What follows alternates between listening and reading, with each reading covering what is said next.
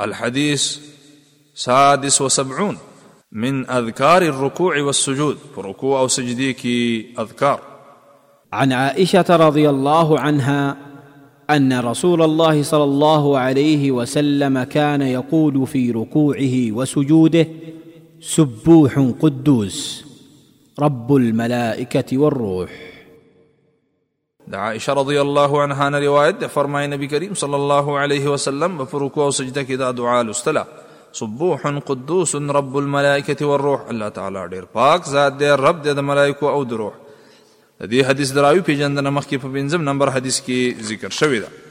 من فوائد هذا الحديث د دې حدیث د فواید څخه اول دا حدیث لار کوونه کوي چې لمونځ کوونکې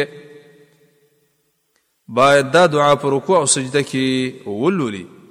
سبوح قدوس رب الملائکه والروح الله تعالی ډیر پاک ذات دی رب دی د ملائکه او د روح ځکه چې دا د نبی کریم صلی الله علیه وسلم طریقه ده او د هغې د طریقې تابعداري کول پکار دي دوهم السبوح معنا سبوح د تسبیح نه ماخوذ د تسبیح د الله تعالی تعظیم کول او هغه لره پاکي بیانول د هغه څه چې د الله تعالی د شان سره مناسب نه وي القدوس معنا القدوس هغه ذات ته وایي چې د هر قسم عیبونو نه پاک وي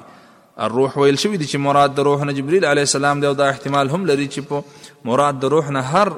ژوندې څیز وي الله تعالی خپوه دی دریم